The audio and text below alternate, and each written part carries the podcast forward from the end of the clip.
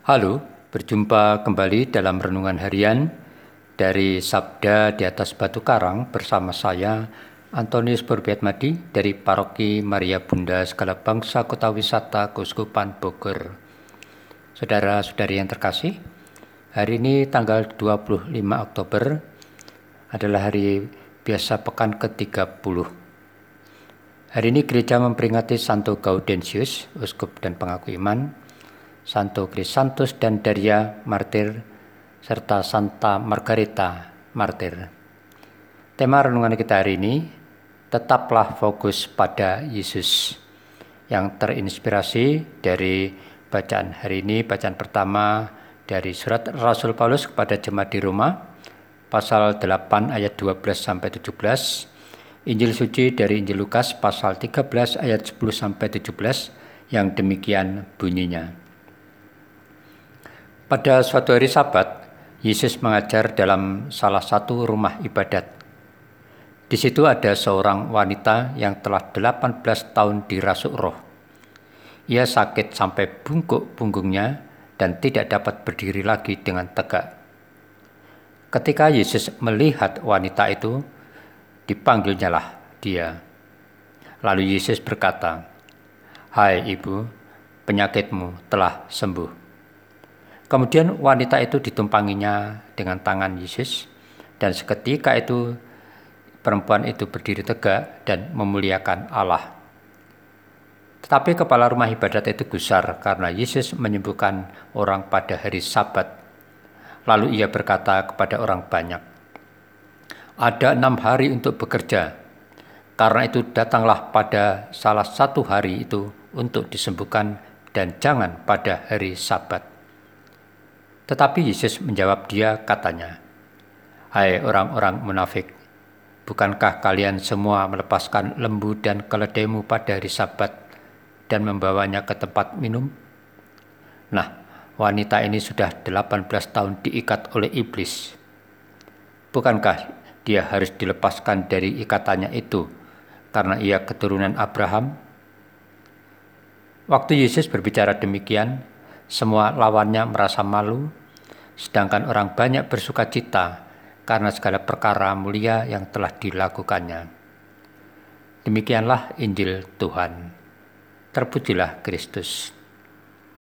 Saudara-saudari yang terkasih, bacaan Injil pada hari ini tentang kegusaran hati kepala rumah ibadat terhadap perbuatan Yesus yang melakukan penyembuhan pada hari Sabat.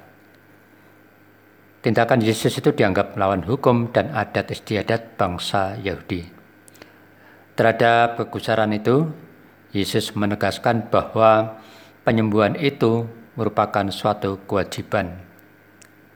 Saudara-saudari yang terkasih, hari ini kita tidak fokus pada kegusaran atau sikap kepala rumah ibadat itu.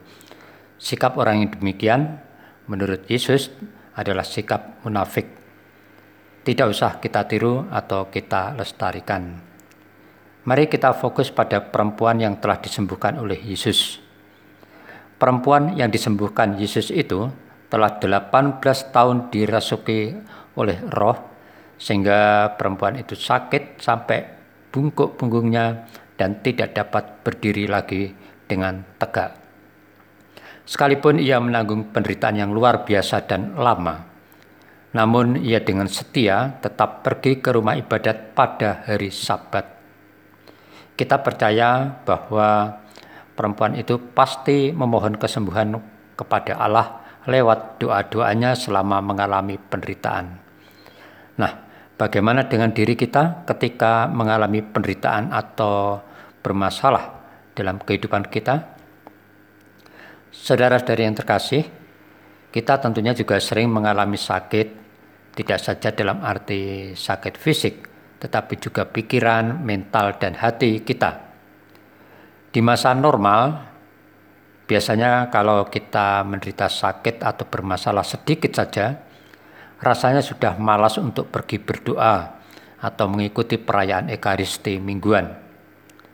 Sebagai orang beriman, mari kita belajar dari sikap perempuan yang telah disembuhkan oleh Yesus itu, bahwa sakit penyakit persoalan penderitaan asalkan tidak terlalu parah atau berat.